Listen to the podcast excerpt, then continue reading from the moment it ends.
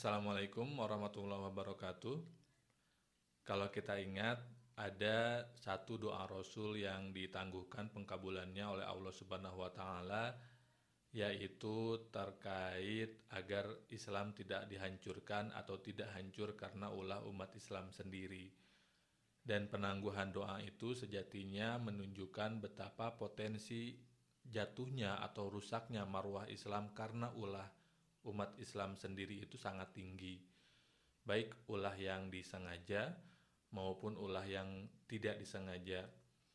Ulah yang tidak disengaja contohnya adalah misalkan kalau kita melakukan sesuatu karena ketidaktahuan kita, karena ketidakmampuan kita menghadirkan Islam yang 100% ideal sehingga kemudian karena ketidaktahuan dan ketidakmampuan itu kemudian Islam di mata orang-orang yang tidak mengerti akan Islam jadi kelihatan jatuh marwahnya atau bahkan Islam jadi jatuh marwahnya di kalangan orang-orang muslim yang mungkin mengalami keraguan atau proses pencarian kebenaran di dalam dirinya sendiri. Saya mengalami menemukan beberapa contoh di mana orang-orang kemudian beralih menjadi agnostik karena dia um, tidak tepat melihat representasi Islam.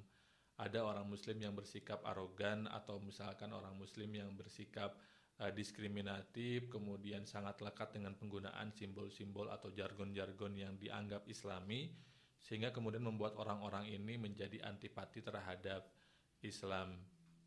Itu sebabnya kemudian Rasul sangat menekankan pentingnya mau izo hasanah atau pentingnya mengajak uh, orang ke dalam kebaikan dengan bilatihi ahsan dan bilisani kaumihi dengan hal-hal yang dimengerti kaumnya dengan lisan yang baik dengan bahasa yang baik dengan cara-cara yang baik juga itu ketidaktahuan dan ketidakmampuan yang kemudian berpotensi menjatuhkan marwah Islam tanpa kita sadari, tanpa kita sengajai. Makanya kita dianjurkan untuk beristighfar atas apa-apa yang tidak kita ketahui padahal sebetulnya merusak. Tapi ada juga mungkin peran-peran tertentu yang entah mereka sadar atau enggak sebetulnya sedang secara sengaja menjatuhkan atau merusak marwah Islam. Contohnya misalkan buzzer yang dia menggunakan Islam sebagai alat atau sebagai um, kendaraan untuk dia bikin kegaduhan. Sehingga kemudian dengan kegaduhan atas nama Islam ini dia kemudian bisa mencapai tujuan-tujuan yang sifatnya sebetulnya tidak islami. Hal ini sebetulnya kenapa saya bilang menjatuhkan marwah Islam karena Rasul membangun Islam itu dulu dengan kredibilitas, dengan integritas dan dengan kejujuran.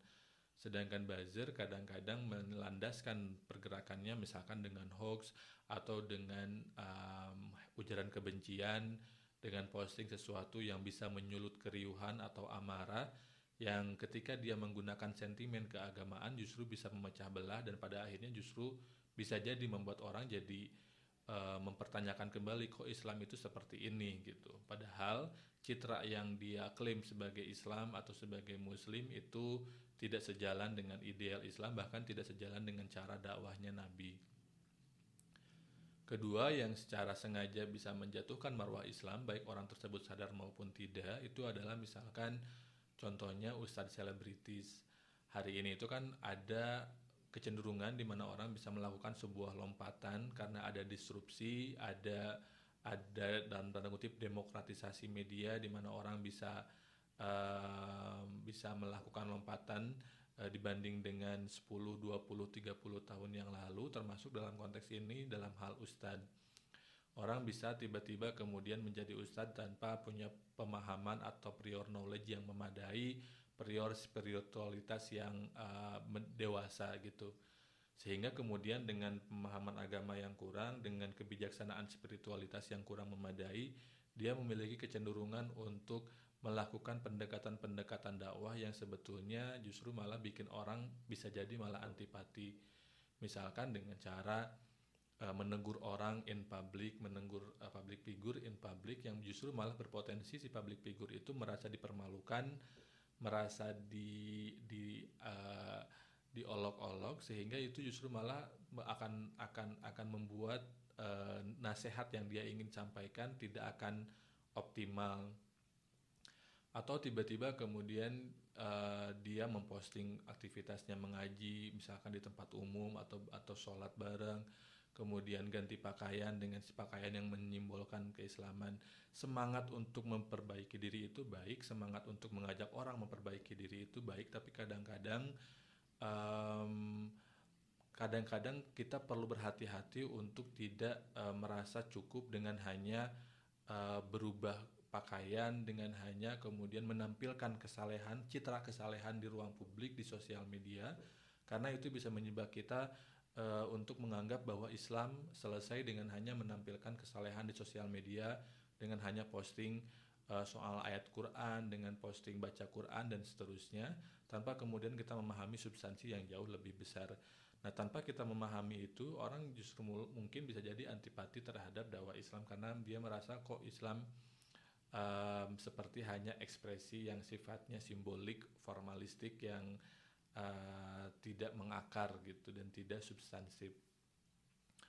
Terus yang ketiga yang juga bisa menjatuhkan marwah Islam adalah politisi yang dia menggunakan Islam sebagai kendaraan untuk dia mencapai tujuannya karena Islam bukan tujuan dan hanya kendaraan maka kemudian Islam hanya digunakan sebagai uh, sebagai alat gitu simbol-simbolnya aja yang digunakan tapi kemudian tanpa ada kemauan yang uh, kemauan yang teguh kemudian uh, komitmen yang 100% untuk mengimplementasikan Islam yang substantif.